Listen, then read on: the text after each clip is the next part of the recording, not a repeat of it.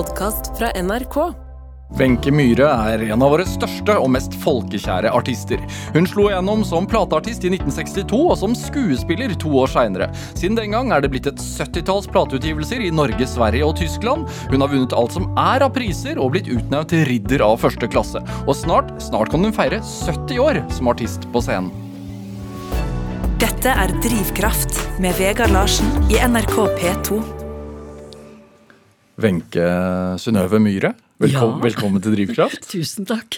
Dette me, mellomnavnet ditt, det har bare forsvunnet. Synnøve. Jeg, jeg syns det er veldig koselig. Så mange av mine venner kaller meg for Synnøve. Da er det veldig personlig. Ja, Da kjenner de Ja, det. Så tar vi alle mellomnavn på alle som er til stede, da. Så det blir en livlig ny gjeng. Ja. Har du eh, vært opptatt av det opp igjennom, eh, å bevare litt det personlige? Ja, Synnøve må jeg bevare i meg, for det Mor eh, hadde også sånt mellomnavn, så det var jo på den tiden hvor vi fikk lov å arve mellomnavnet til mor og far. Ja. Um, og jeg, jeg syns det er, hører med til meg på For jeg er jo egentlig Men altså, som artistnavn så ble det jo Wenche Myhre. Altså, så, Hvordan er det egentlig? Fordi jeg bare tenkte på det. Jeg hentet deg i drosjen utenfor. Ja. Og drosjesjåføren visste selvfølgelig godt hvem du var. Eh, Her, her, nede i resepsjonen visste de godt hvem du var. Gjennom NRK, siden vi gikk fra resepsjonen opp, så alle nikker nærmest sånn ærbødig til deg når du går forbi. Eh, en av de som er, er sjefer i, Kringkastingsorkesteret, neiet jo nesten. Eh, jo, det er sant! Det er han, ga, han ga meg en god klem. Ja. Hvordan, hvordan er det er, et, det er et rart spørsmål, altså, men hvordan er det å være Wenche Myhre? Du, jeg tenker faktisk ikke så mye over det, for det er, det er livet mitt. Ja. Ja, og jeg har jo valgt et yrke som er synlig. Og jeg blir jo veldig glad når folk gir meg sier hei, og de kjenner meg igjen. Og, og her på huset her har jeg jo fått lov å boltre meg. Siden starten, Du, du, ja, du sa, du sa 62, men i 60 begynte jeg mer profesjonelt da, med plater og TV. Og, så jeg har jo fått lov å, å holde på, og da, da er det mange som man kjenner. Og, så, så jeg eh, Og når jeg går på, til mathuset hjemme på Nesøya, så, så går jeg jo i joggebukser og hettegenser og Mathuset, altså, ja, altså Kiwi. butikken, liksom? Ja. Det er alltid bare Du kaller det bare Mathuset, for det heter det. Jeg har bodd der nå i 52-53 år. uten å- Så for meg var det, er det Mathuset. Og eh, ja, og der er det ingen som tenker på det. Nei. Der, nei. Tror du, ja. Ja, jo, tror jeg, men jeg, eh, jeg syns det er en fin tro, jeg. ja, ja. Hvordan er en vanlig dag for deg, da? Jeg lever som et villdyr. Så det, nei da. Men jeg, er, jeg har jo ingen arbeidsdager som er lik de andre. Og øh, når jeg hadde barn, så er det selvfølgelig noe helt når de var små. Mm. Så lever man jo et ganske ja, eh, hva skal jeg si, timet liv med barnehager og skoler og henting og kjøring. Eh, Og så øver jeg på natten, da, som regel. Da er det stilt i huset. Men nå kan jeg øve på dagen og sove litt på natten. Så Nei, det er en vanlig dag for meg. Den er, det er et den? eventyr. ja, jeg føler hver gang jeg står opp, så, så skjer det ting, og telefoner, og jeg skal gå til mathuset, da, så møter jeg hyggelige mennesker, og så er det nye jobber, og så det er jeg tenker, jeg er veldig takknemlig når jeg går og legger meg. Du verden for en dag, tenker jeg. Ja. Og våkner du også sånn ah, Endelig en ny dag? Ja, jeg våkner Jeg våkner øh, både titt og ofte. For ja, jeg har mye tanker i hodet mitt, da. Så det blir korte søvner, kanskje. For jeg er litt sånn Hva spinner? Det spinner litt, ja. Ja, Hva tenker du på? Eh, Alt. Jeg tenker på ja, kommer jeg på nye ideer, og så kommer jeg på låter, og så kommer jeg på å, jeg må på det møtet, og å, hva skal jeg, og der er det fotografering man skal ha på meg da, og så skal vi med barna det og det og det. Altså, ja, det går i ett. Ja. Det er veldig gøy. Har du, har du noen faste rutiner, da? Nei. Ikke, ikke noe Nei, Jo, rutiner har jeg jo. ka kaffe, avisen, se utover Oslofjorden? Ja, det gjør jeg hele tiden. Snart jeg har et par minutter, så jeg kan se utover Oslofjorden klokka fire om morgenen når jeg er våknet. Og så kan jeg se, ja, se Jeg nyter øyeblikket. Og så kan jeg ta et lite kvarter som jeg har lært meg, og sette meg ute og se på fuglene i eh, trærne og høre Sjalte ut alt. Hva er fint med det? Det er for da er det min tid. Hvis jeg sier nå, jeg, nå skal jeg ut og ha et kvarter, så er det ingen som forstyrrer meg. Og da kan jeg Ja, da er jeg på ferie i hodet mitt. Og da kan jeg liksom få nyte naturen. Jeg kan nyte lydene og alt. Og ringe noen kanskje som jeg har lyst til å prate med. Det er, det min tid. Kvarter av gangen. Det er sånn råd jeg gir til unge mødre som har unger og skal gjøre masse. Ta dere et kvarter Hvem fikk du det rådet? av meg selv. Ja. det var i nød. Hva, hva, hva, hva frambrakte dette behovet? Nei, det ble så mye. Altså, jeg har lært meg også Det er så mye informasjon og så mye blader og Eller papir og beskjeder at det hopet seg opp foran meg. Åh, så tenkte jeg, så ser du det som Jeg har jo ingen uh, manager. Jeg, har, jeg, er, jeg er meg selv. Enmannsforetak. ja. Selvvalgt? Selvvalgt, ja. Og så, så ble det sånn at nei, jeg må bare begynne å mm, ta et sted, så, så forsvinner det jo. Men da var det sånne kvarter som jeg måtte stjele fra mitt eget liv, faktisk, for å få nyte det fullt ut. Og konsentrere meg og fly med fugler og Jeg har jo mye rart for meg, da. Men det er veldig givende. For å Sjalte ut alt. sjalte ut? Ja. Ja. Fly med fuglene, sier du? Ja, ja, jeg har Ja, jeg kan Jeg har en sånn stor øh, tre på tomten midt på, og der klatrer fuglen. Da hører jeg Når de klatrer oppover, så sitter jeg og ser på de på kvarteret mitt. Jeg sitter ute. Og da kan jeg se, når de snur seg og ser nedover, så ser jeg liksom Jeg begynner alltid å le når jeg skal fortelle det, for folk tror jeg er gal. Men tvert imot. Jeg har fått noe sånn ekstra, føler jeg, litt eh, opplevelse i Ja. Og, og det har jeg også Da kan jeg kanskje fortelle om måken min, da. Ja, gjerne det. Ja. Eh, For jeg har en, hatt en måke i 24 år, tror jeg, som har kommet til meg og satt seg ved siden av meg. Og, eh, og den flyr helt inntil meg, og, og så, hun har vært der hver dag, altså. Også på, på um, showet som jeg har laget nå nettopp, jeg var ferdig nå for en stund siden. Eh, da- Wenche 75 Ja, altså jubileumsshowet. Jubileumsshowet Hvor du ja. oppsummerer mye av karrieren, og, Ja. som også er spilt inn og skal sendes på NRK før jul en gang. Og, Ja, det kommer rett før jul. Ja. Og det gleder jeg meg til, og det var og som du har spilt i år også, selv om det egentlig var i fjor. Du, ja, ja. ja, det var litt sånt lånt tid. Vi tok selskapet litt lenger ut. Men der valgte jeg nemlig en låt uh, som het som, For jeg hadde så flotte musikere med, og den låten jeg satt med Anders en kveld, og så hører jeg denne musikken, og så sier jeg Anders, den vil jeg at dere spiller, for da har jeg den følelsen at nå flyr jeg med måken. Når den letter, så ser jeg Nesøya, og jeg hører egentlig alle sånne som jeg sitter på og tar en tur med. Så den låta heter Room 335. Ja, og Den har du jo sendt til meg, så den skal jeg spille. Skal du gjøre det? Men, men jeg må bare stille deg spørs spørsmålet Ja, ja. først. Du, du sier du lever som et rovdyr. Villdyr. Villdyr. Ja, Ja. ikke rovdyr, men villdyr. Ikke rovdyr, nei. Jo, det er så sikkert. Hvilket vill... Altså, er det en fugl, Nei, ikke noe Nei, nei! Det er bare uh, uh, måten å leve på.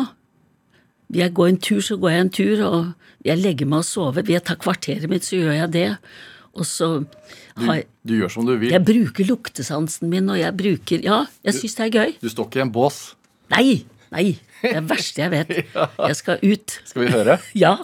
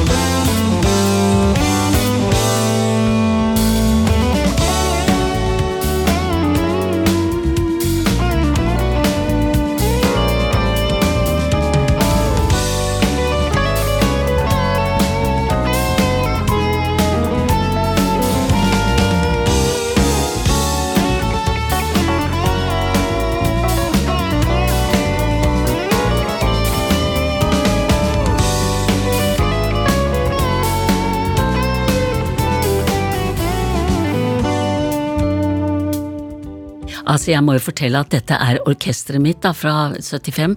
Du må ikke slutte å spille, du må fortsette. Ja, men, men det er Steinar Larsen på gitar, og det er så fantastisk band, så jeg måtte spille den opp igjen.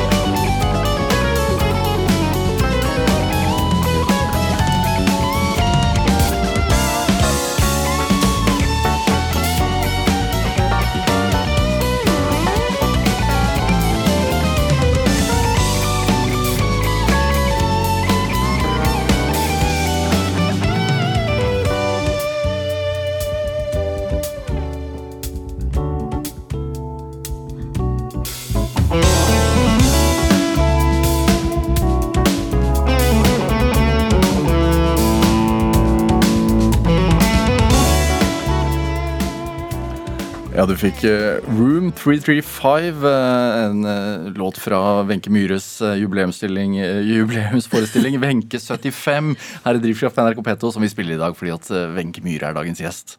Altså, det, ja, mens vi spiller dette her, så du spiller jo luftgitar og Ja, jeg holder på Et, Ja, for jeg syns den, den Altså, det er Jeg spiller med min eh, kjære Anders, min samboer, og disse gutta, altså, og Steinar Larsen på gitar har jeg jo spilt med i 30-35 år. Han er fantastisk. Så jeg måtte la dere få høre det. Går det an å beskrive uh, kjærligheten din til musikk?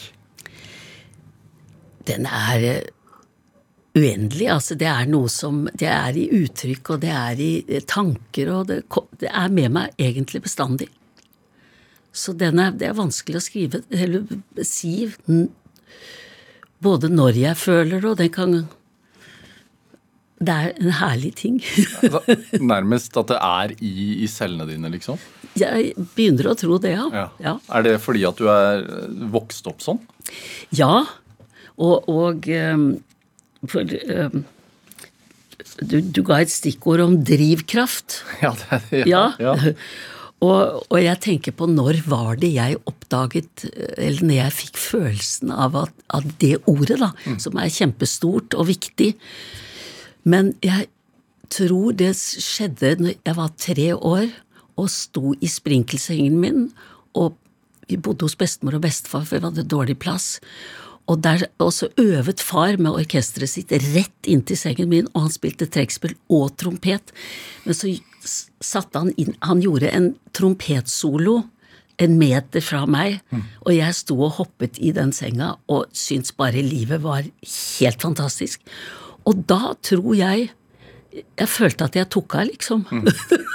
og jeg, jeg dro, husker jeg, nattkjolen min over hodet mitt. For jeg, det, det, nå må jeg fly! Og så følte jeg virkelig at jeg tok av på et teppe. Og siden den gangen så har jeg Og hvis jeg skal beskrive det ordet, så tror jeg den energien og urkraften og, eller drivkraften kom for musikk i det øyeblikket. ja, du har ikke landet etterpå? Ikke landet. Jeg vil ikke lande heller. Ja, det, er herlig. Ja. Er det, det det å vokse opp uh, og se uh, foreldre uh, spille musikk pga. kjærlighet til det å spille musikk, hva, hva gjør det med et barn? Det gjør meg veldig fylt av glede. Det var mye humor. Det var mye smil, og, og var en kjempegave. Altså, jeg ønsker at man synger med barn, og at man tidlig får lov å komme i forbindelse med musikk. Jeg tror det er veldig viktig. Så Alle mine Jeg had- var jo i niende måned og var på prøver, så de har fått det i hvert fall med i morsmelken. Alle, alle sammen mine egne. Tror du de hører det når de ligger i magen? Ja, Det skal ikke jeg uttale meg om, men jeg føler det. Ja. Jeg føler, jeg føler jo inni hjertet mitt, og er glad i musikk, og alle typer musikk, bare det blir gjort godt. Så jeg, Du sa sprinkelsengen, vi hadde, vi hadde litt dårlig plass. Hvor i landet befinner vi oss? Altså I Oslo? På men- Torshov. På Torshov i Oslo. hos bestemor og bestefar. Ja. Og vi Vokste dere opp delvis der? Eller? Ja, fordi vi var jo en eh, veldig ung familie. Mor og far var 18-19 når de fikk min bror, og så var de ca. 20 når de fikk meg. Og vi hadde vel ikke noe så mye penger, og far måtte kjøre eh, buss i Sporveien og spille på kvelden til dans. Så det ble et sånt liv hvor så tok bestemor og bestefar De hadde syv barn, men de tok også av oss, da, alle. Så bodde vi der kanskje et år eller noe sånt, og så flyttet vi videre opp mot Grefsen. Og, Hvordan var det i Oslo på slutten av, starten av 50-tallet, som du husker da? ja, Torshovparken var jo fantastisk. Så vi bodde ut der til en terrasse, husker jeg, og det var nydelig. Og inn og henge tøy inne i gårdene bort Nei, det var, det var veldig flott der. Ja. Hvordan, hvordan var familien? Altså, hadde dere Var de politisk engasjerte? Var de opptatt av noe spesielt? Ja, de var nok eh, politisk interessert, men det var jeg for, eh, for ung til å ta del i. Men bestefar var også fiolinist, så det var veldig mye musikk i huset, da. Så Og alle mors søsken, den spilte harmonikk og den andre gitar, altså det var alltid liv og røre. Ja. U- Man måtte bli med? Man måtte bli med, ja. Lange løp gjennom alle rommene og holdt hverandre i hendene og Ja. Så det var, en, det var fin. Det ble diskutert og Ja. Hva sang dere, da? Eller hva sang du hjemme?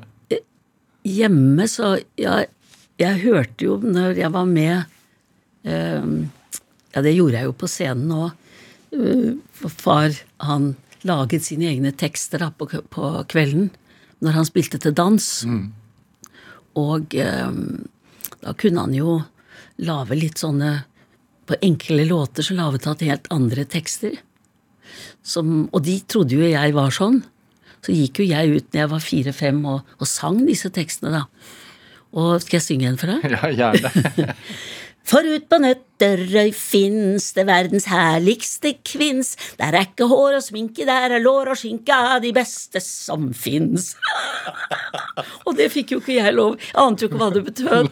Men jeg hadde jo fattet alt dette her, så jeg ble kalt inn på teppet og bak og ut av scenen. ja. Det med, det med å showe, altså å ha et, et talent for, for det det, bare, det var naturlig. Det var som Ja. Det var, hvis, det var bare, hvis det var veldig få familiemedlemmer i huset og jeg skulle synge, så stilte jeg meg bak en gardin. For da syntes jeg det var litt uh, for personlig. Men uh, når det var mennesker og Sporveishallen og sånn, så var jeg jo Jeg elsket det. Er det sånn ennå? Ja. Det er uh, Jeg er helt Jeg er som en tiger i bur før jeg skal ut på scenen. Jeg kommer ikke fort nok ut. Ingen nerver? Ingen. Bare konsentrasjon og fokus. Så jeg må ofte på scenen et par timer før vi begynner. Jeg minst altså før, før vi har innsjekk og sånn, så må jeg bare se stedet. Og så er jeg, så vi, er jeg Det er noe som er i hodet mitt. Exit-skiltene. De må jeg se hvor er. Og så finner jeg garderoben min, og så er vi i gang. Er det Hva er belønningen? Belønningen, det er Å, belønningen! Det er jo livet, det. Det er jo applausen og at, at jeg kan glede folk. At jeg har fått den Jeg føler jo at jeg har fått en gave som får lov å drive med det. Ja.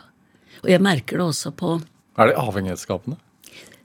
Nei, det er det ikke, men det er eh, Gleden og, og drivkraften blir nok større og større, fordi du vil gjerne gi mer. Og, men jeg kommer jo aldri i mål, så det vil jeg jo ikke heller. Men, men det har noe med å få lov å gi. Og jeg ser jo også på fanklubber, jeg samler ofte uh, fans som kommer fra ja, Europa og Mexico til og med. Og så merker jeg at de får venner i, i uh, andre land. Så det blir en veldig fin ålreit greie, og, og, vi kaller det fanvenner. Så Som du tar, da? Ja, som jeg, jeg syns det er veldig koselig å møte de menneskene som, som uh, kommer på alle show, og, og, så finner de sine venner igjen hvilke, via Hvilke fans har gjort størst inntrykk? Det er jo klart, jeg gleder meg når folk kommer veldig langt ifra. Altså reisende, da, de investerer jo masse. Og så syns jeg det er koselig med fans. altså Når publikum kommer til, i salen, ja. så koser jeg meg. Når det er folk som Jeg må alltid ha litt øh, Hva heter det, sånn belysning fra Takbelysning på. Så jeg ser ansiktene. Jeg må alltid se Det liker jeg. Ja. Er du sånn ute og smugkikker først? Nei, men når jeg står der Jeg avtaler jo med lysmann før vi begynner. Jeg vil ha litt taklys, så jeg får se konturene på ansiktene. Hvorfor vil du det? For jeg vil se de. Og jeg gleder meg når jeg ser noen sitter og gråter, og noen ler seg fillete. Altså at det er sånn Det er det jeg lever av. Det er der jeg henter energien min. Det er publikum. Så det må jeg se på. Hvordan, hvorfor er det smittende? Smittende latter og, og humor og ja, sånn. Hvorfor får man energi av det? Det er glede. Og det er for meg energi. Altså det å, å ha det moro og være seg selv og Og så begynner jo jeg å tulle litt, da. Det gjør jeg ofte mye på scenen. Men det Da får jeg energi. Det er jo, altså Du opptrådde jo Du fyller jo 70 år på scenen neste år. Uh, men, men du opptrådde jo, begynte jo å opptre før det. Men, men når, når, var første gang du merket at du hadde fans? Det, merke, det kom bare sånn. Plutselig så sto det det. Tenkte jeg aldri, Spørsmålet har jeg aldri fått. Og jeg har aldri tenkt over det. Jo, så var det jo en periode i sånn teenagealder hvor, hvor de skulle ha autograf og sånn. Det merket jeg. Ja. Da begynte det. Her i Oslo, eller over hele landet? Eller? Ja, over hele landet. Og spesielt når jeg hadde fått en fanklubb, så skulle, måtte jeg skrive eh, fankort. Og, og da jeg, fikk jeg 1500 brev per dag. Det var sekker. Jeg hadde postboks på Kjelsås, men det var jo postsekker som jeg kom og hentet. Og jeg kunne jo ikke Jeg tok bilder av en vegg, jeg tipper det var 30 000 brev der. Og far syntes jo fryktelig synd på meg, jeg skulle sitte og skrive og besvare. Og så måtte vi ha speidere som åpnet konvolutter og sånt. Og da tok han tiden på meg en gang, og da skrev jeg over 4000 fankort på en dag. Men da var jeg sliten. Så Selvvalgt? Selvvalgt, det. Alt er selvvalgt. Ja. Men jeg, gleden over å skrive Da var jeg jo ung, jeg hadde jo ikke noe barn, så jeg kunne gjøre det. Men etter hvert så blir jo det mer Jeg kan ikke holde på sånn. Nå er det ikke sånne mengder på den måten lenger. Men uh, vi fikk jo også Jeg hadde uh, Norges største fanklubb, faktisk, på den tiden. Og Hva het de? Wenches venner. Ja. Og vi, uh, vi, hadde et sånt formål, og vi uh, bygget ja, Vi begynte i 64, og så i 65 så bygget vi et barnesykehus, faktisk, i Gaza. Mm. Og, og det står der ennå. Nå heter det Nå er det overtatt av Unerva, men det er helsesenter, så jeg Hjertet mitt brenner jo om dagen. Jeg tenker mye på barna. Mm. Ja. Hva var det som i, såpass ung alder gjorde at du tenkte at du måtte bruke populariteten og oppmerksomheten til, til et sånt formål? Jo, for jeg følte bare en fanklubb, det, det syns jeg var litt Ja, jeg måtte ha et mål med det.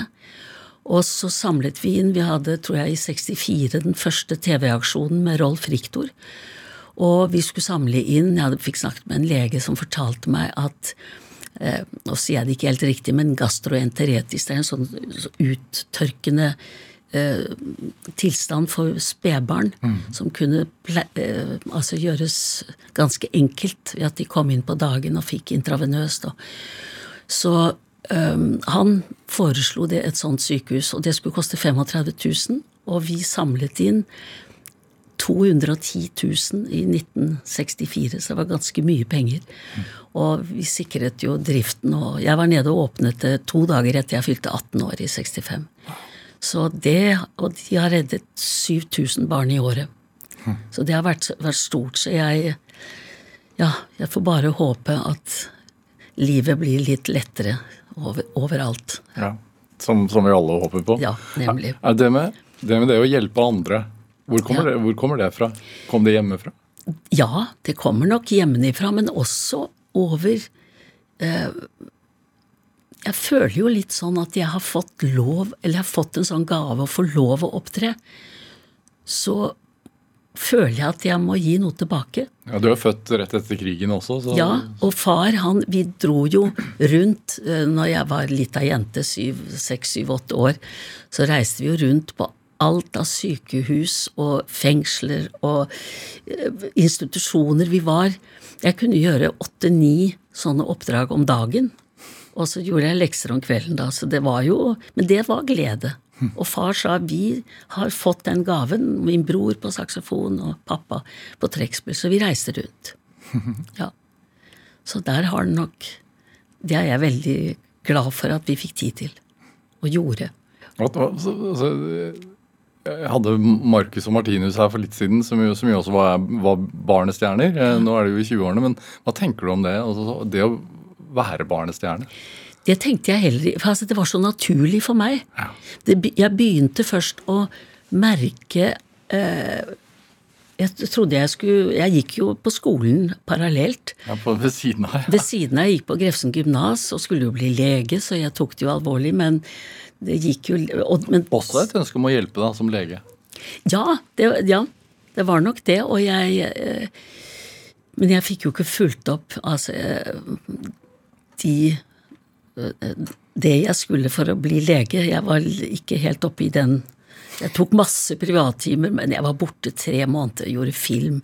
Jeg lå på førsteplass i Norge og jeg der. Så det ble litt for voldsomt. Og da sa far til meg etter Artium at Wenche, nå tar du et halvt års pause. For nå ligger du Og på Tyskland plutselig la jeg på førsteplass. Så det var jo et liv. Ja, Så du tar et halvt års pause fra ja, studiene? Fra stu, ja, ja, han sa for jeg, ja, ta et halvt år før du begynner, og nå får du nyte uh, dette du har holdt på med nå. Og jeg kjørte buss i russetiden, så jeg var jo den eneste som fikk det, trippel knute og sånn, for jeg smakte jo ikke alkohol på den tiden. Så, så nå, da syns far nå fortjener en liten pause. Når, når når begynte du å, å, se på det som en jobb? Altså Det å ta det såpass seriøst, altså at man må legge seg tidlig og stå opp og ta de reisene dit og gjøre det man skal. og men det kom automatisk, tror jeg. Ja. Også i og med det at jeg jobbet i flere land, så fikk jeg en veldig Jeg lærte Det var jo disiplin. Og der kunne, Tyskland kunne du ikke komme fem minutter for sent. og eh, Jobbet med Povel. Jeg hadde ikke i Sverige. Jeg gjorde jo masse der. Mm, Povel Ramel? Ja, Povel Ramel. Mm. Så det ble en eh, veldig flott lærertid for meg. I alle språk og land. Og, og så, så ble det jo at jeg jeg gikk jo helhjertet inn for alt jeg gjorde. Kan du, Disse karrierene dine i Sverige, Norge og, og Tyskland spesielt, ja. da, altså Du har jo en karriere utenfor disse tre landene også, men det er jo hovedsakelig ja. disse tre hvor du er virkelig stor. Ja. Um, er du en annen type artist i, i, i, hvert land? Nei, jeg tror altså Selvfølgelig, jeg får helt nytt repertoar. Hos Povel Ramel der hadde jeg jo svensk topp eh, altså før, før Povel kom, jeg var eh, mye yngre da. Men så når jeg fikk lov å leke med Povel, så skreddersydde jo han låtene til meg, og det ble jo et helt egen avdeling. Hvilken, hva slags uh, artist var han i Sverige da? Han var så Ja, hva skal jeg han skrev jo slager, egentlig, og masse kabaret og fantastiske låter og jazzlåter. Altså det var hele spekteret. Mm. så det ble et eget repertoar. Men så fikk jeg oversatt en del av Povels låter. De oversatte jeg når jeg kunne tysk, da, til, uh, til tysk. Og så ble det laget nye låter på det, da. Ikke, ikke så fine som Povels, men, men så publikumsmessig så kan du levere nesten det samme, men bare på deres språk.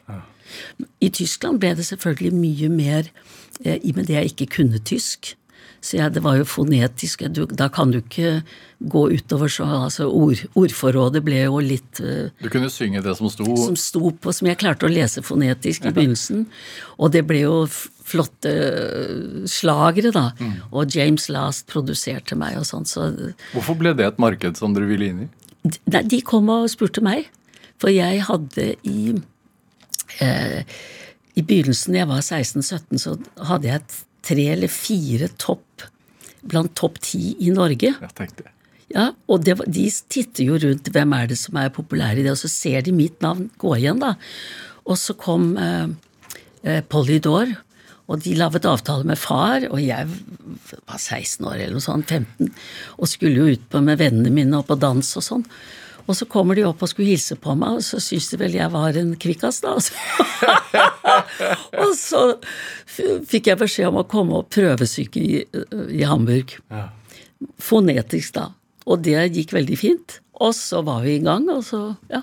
Hvordan var det i Hamburg da? Husker du det? Du, veldig fint. Ja, Da hadde jeg som sagt James Last som medprodusent til en, en, også en annen som, onk, som jeg kalte han onkel Bobby. For Bobby Schmidt han var den som skrev låtene til meg. Hvem var James Last?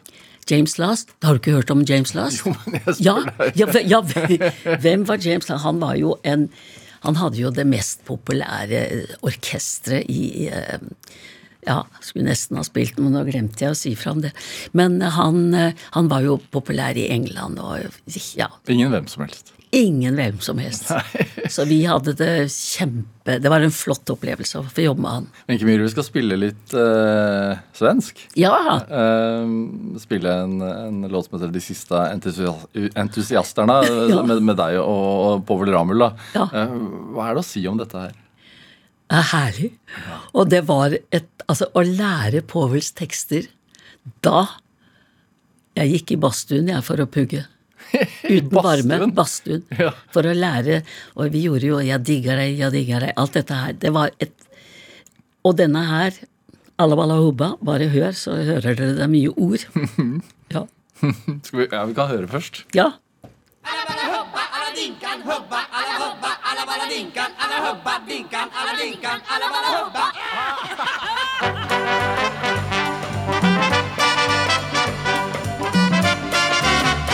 Mitt bland rosor och klorofylla i livets tuktade trädgårdsmylla Vi sticker upp med ett rufsigt hopp som ogräsblasterna Vi är förmodligen de sista entusiasterna Förgav man sig inför sorgen Så lyfte ej någon ballong med korgen Och ingen skrattmås fick flyga högt där ovan masterna Du har så rätt, vi är förmodligen de sista entusiasterna Entusiasterna slår huvudet i stolparna.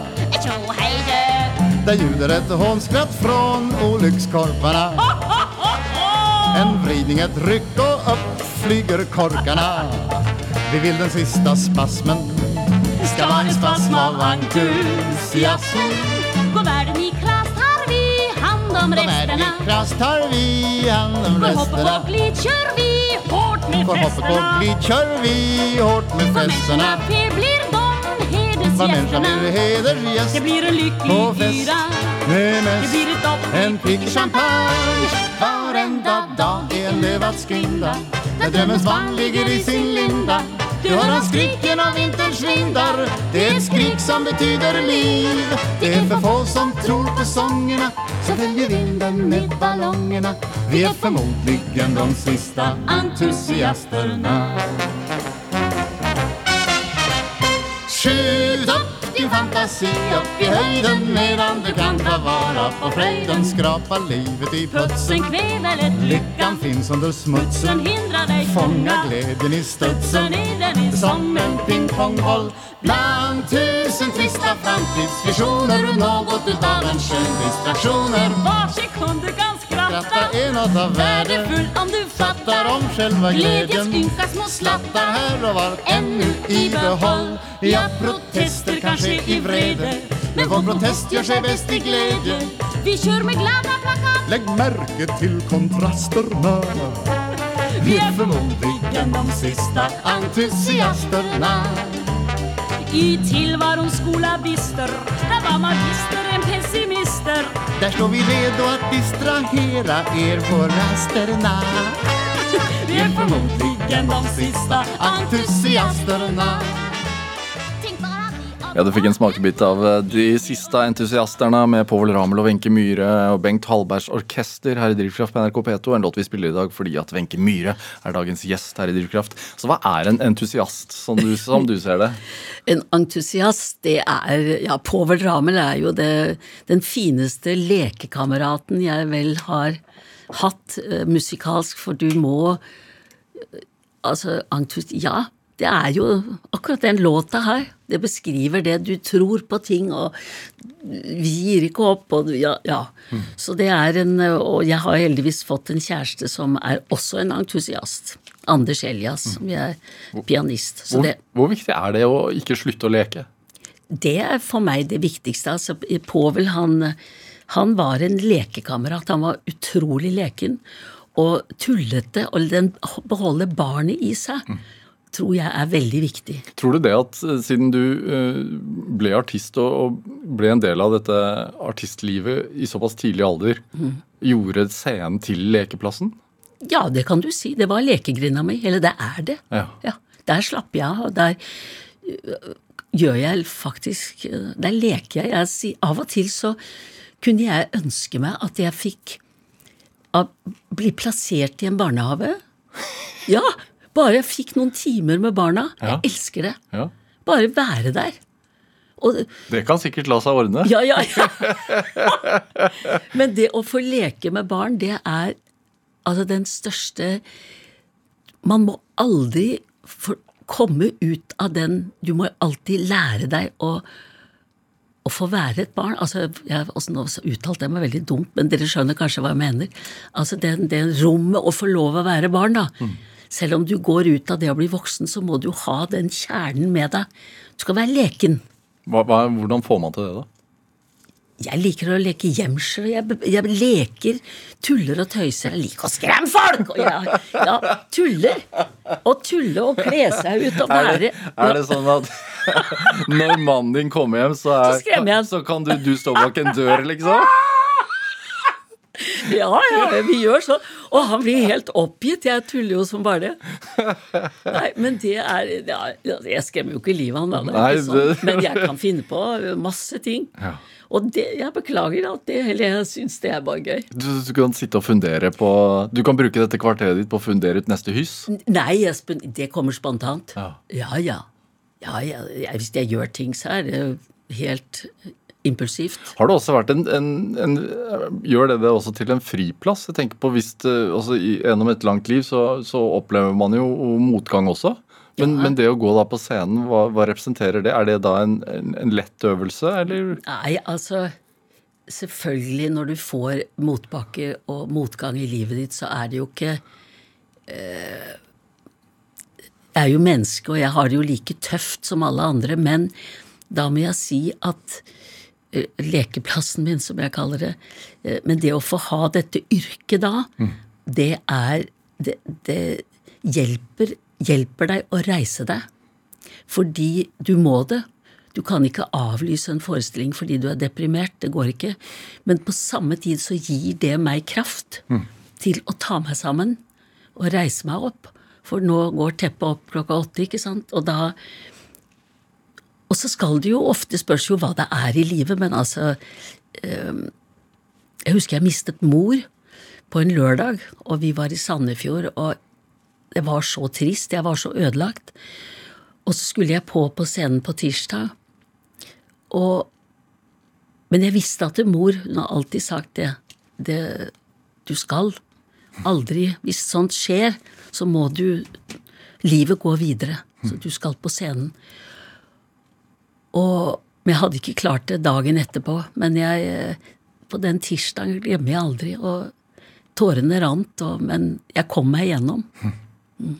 Så da er det ofte en Du gråter deg også litt eh, eh, gråter litt for, altså med publikum. Eller jeg, om ikke står og renner tårer, så hjertet mitt er jo fylt av sorg etter mor. Men eh, det er lettere å dele det med i et sånt rom, da. Ja. Det, så det blir som du sa tidligere, at det, det å fremføre for tre kan være tøffere enn å fremføre for hundre. Ja, faktisk. Og, det samme med sorgen. Ja, sorgen er, er man vel også kanskje litt av og til alene om, for det må man tenke. Men det er mye Jeg tror nok det, det er bedre å ha noen å snakke med, uansett.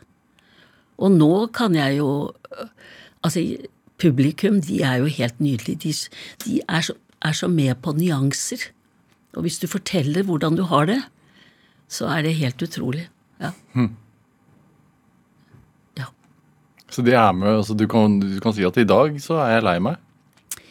Nei, du sier ikke det, men, men det er ofte sangene som, som kan ta deg dit. Jeg husker jeg har vært Jeg har sunget Vi lever, som jeg gjorde så tidlig i karriere, eller på 80-tallet. Og, og den Og når jeg var lei meg selv og jeg skulle synge den, så rant tårene. Ja. For da fikk jeg ut min personlige sorg, kan du si. Hva er, hva er øh, øh, Vi skal spille den sangen også, men, men, men hva, hva, er, hva er trikset for å gå videre, som din mor lærte deg? Ja, er, det, det er jo så individuelt hvordan Men folk for, men for deg? For meg er det øhm, nettopp det at det skal gå videre. Jeg har barn å ta vare på på den tiden nå. Mindre barn, nå er de jo voksne alle sammen, men det er barnebarn, og det er mennesker jeg er glad i, så, så du må Jeg kan våkne, altså, så ha en sånn skittdag, og da kan jeg, tenner jeg lys. Og så går jeg ut og tar noen kvaster av det som måtte finnes ute på, i naturen. Og så gjør jeg det litt hyggelig, og så ringer jeg en venninne eller noe sånt, eller ber noen hjem. Så kommer man på helt andre tanker, og så er man i gang. Så det er jo ofte bare en sånn Jeg har også sunget en låt Det fins et lys i den mørke tunnelen, og det, av og til så er det så mørkt at du tror at Jeg prøver å ikke komme altså, tenke sånn, da. For jeg har Men alle har vi jo våre dårlige dager, og vi må bare reise oss. Ja, Ja. Vi lever, si. ja vi må det. Hva, hva betyr den teksten for deg? Den betyr veldig mye. Den er Det var en hyldest til livet. Jeg, jeg bodde i, i Paris et år på slutten av 70-tallet, eller 80, og da fant jeg denne låta. Og så gikk jeg til Jan Eggum, og han var jo en ganske tøffing på litt sånne andre sanger. Så sier jeg Jan, her er en tekst, den heter Vi lever, og det skal være en hyldest til livet. Og så skrev han den.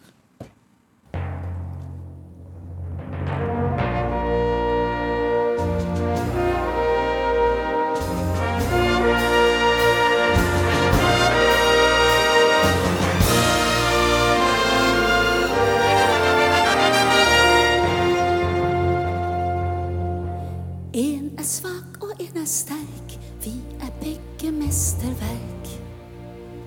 Vi lever.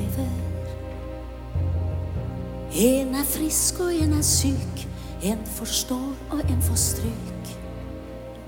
Vi lever. Hun er blid og han er sur, hver og en har sin natur. Vi lever.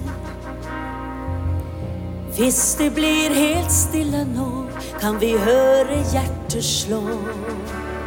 Vi lever. For livet skal vi slåss så lenge det går blod igjennom oss. Vi er som en lillebror som vil gjemme seg hos mor. Vi lever. Vi som hører med til dem som vil stikke hodet frem. Vi lever. Om vi blir terrorisert, undertrykt og torturert. Vi lever. Om vi kryper eller går, om vi er fortapte får. Vi lever. For livet skal vi slåss så lenge det går blod igjennom oss. Noen stupte for en sak, Minnesteinen står der rak. De lever. Noen vandrer slik som deg, anonyme kjempesvei. Du lever. Noen mister mor og far, noen mister alt de har, men lever. Morgendagen er en venn, det fins alltid håp for dem som lever.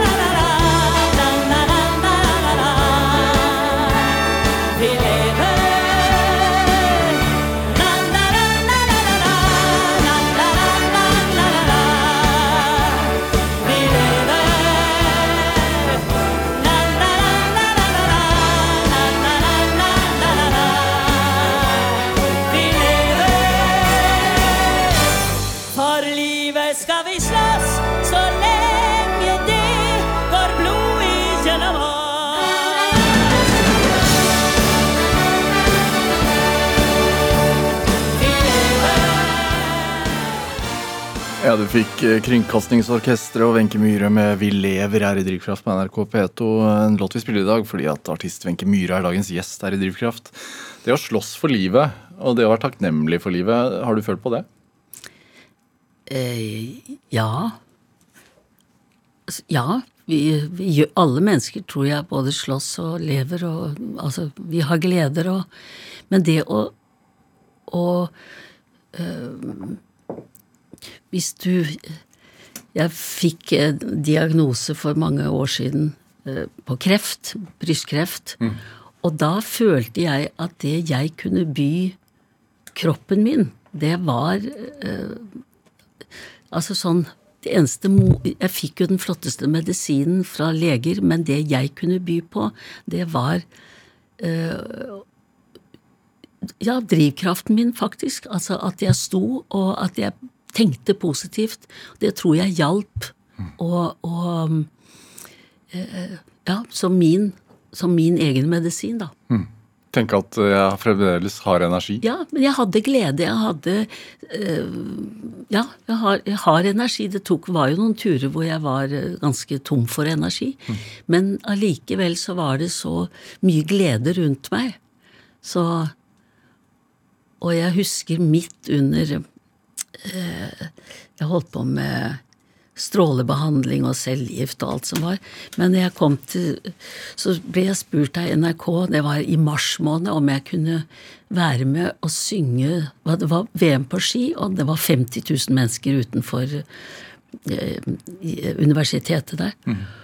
Og så sier de på Radiumhospitalet Bli med og syng. Vi pakker deg inn, og så går du. Og det kostet meg jo ganske Jeg merket jo det hvor ødelagt jeg var. Men jeg kom ut der og fikk det brølet av 50 000 mennesker.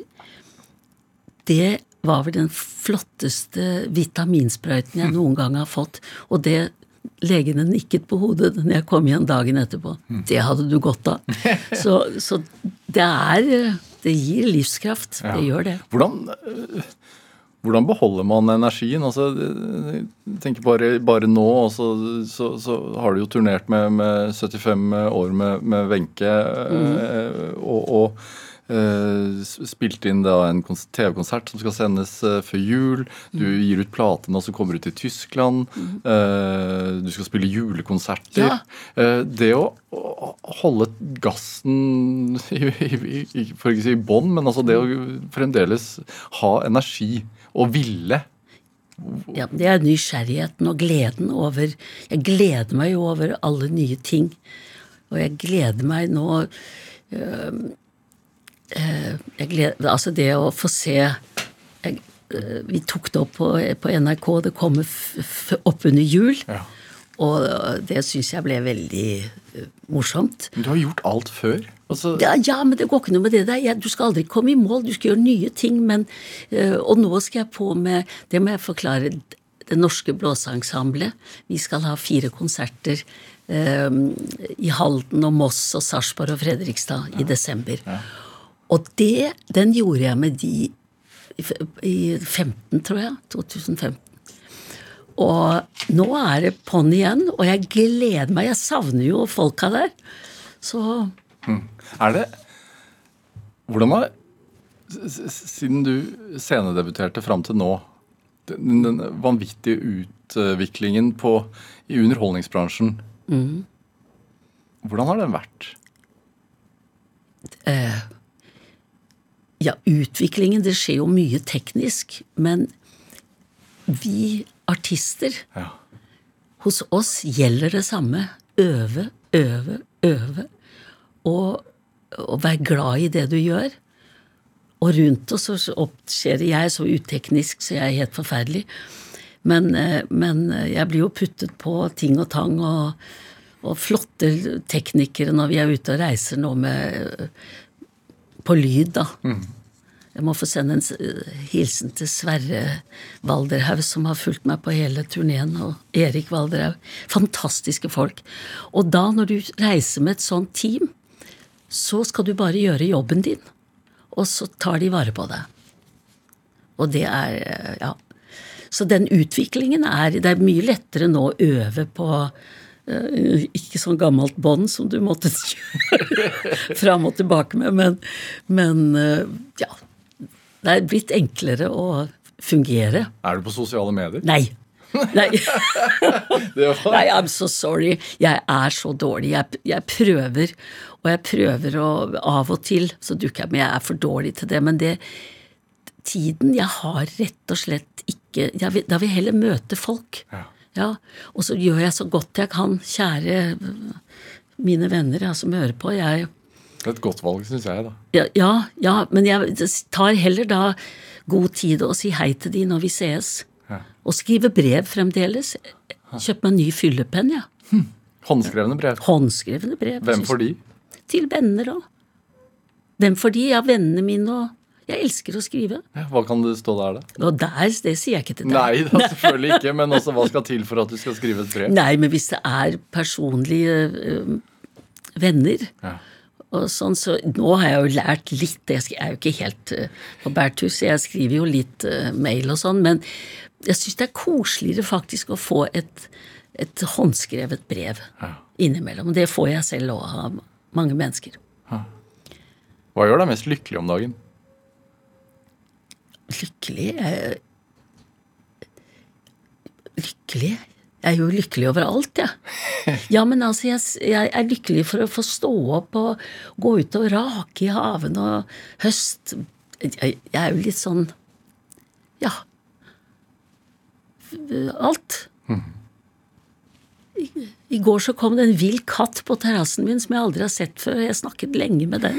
Hadde den utmerket samtale. Ja, og med kjæresten min, og vi sitter og drikker kaffe, og vi koser oss og ringer. Sønnen min ble 50 år her i forgårs. Stor fest og Så man må glede seg over alt som er rundt en. Tenk det at barna blir 50. Hva? Jeg tenkte at barna plutselig blir 50. Ja, ja nå hørte jeg ikke riktig hva du sa. Så 50, ja. Er ikke rart. Ja. Hvor gammel føler du deg? 37. Hvorfor akkurat det? Ja, for jeg føler vel at um, sånn helt ung det, Jeg er jo glad for å Nå er jeg veldig glad for å være 76. Men um, ja. Jeg føler meg uh, Jeg føler meg 37, for da har du litt oversikt, Og så er jeg full av guts, full av glede, og er frekk og rampete med unga mine. Så det Hva er drivkraften din, Wenche Myhre? Drivkraften min, det er det jeg driver med. Altså drivkraften, den kan du ikke beskrive. Du må bare lære den å kjenne. Og når du får fatt på den, så behold den. Wenche Myhre, tusen takk for at du kom til Drivkraft. Selv takk. Takk for å få være her. Hør eh, flere samtaler i Drivkraft på nrk.no eller i appen NRK Radio. Der kan du også trykke 'følg', eh, så får du alle de siste Drivkraft-samtalene rett inn i appen din eh, når de legges ut som podkast. Send oss ris eller ros, og også tips til mennesker som du mener har drivkraft. Send den e-posten til drivkraft krøllalfa nrk.no. Vi hører veldig gjerne fra deg. Produsent i dag det var Kjartan Aarsand, mens Solveig Sørbø gjorde research til denne sendingen. Men dette dette var Drivkraft. Jeg heter Vega Larsen. Vi høres. Du har hørt en podkast fra NRK. Hør alle episodene kun i appen NRK Radio. En podkast fra NRK. I en forferdelig vinterstorm i 1973 havner to moderne norske lasteskip i havsnød. Det var egentlig ikke vanlig uvær. Det var mye verre enn det. 23 år gamle Stein Gabrielsen kjemper for livet i tre døgn på en redningsflåte. Resten av den natta det var det bare snakk om å klore seg fast og holde ut så godt en kunne. Hør Alene i Atlanteren i appen NRK Radio.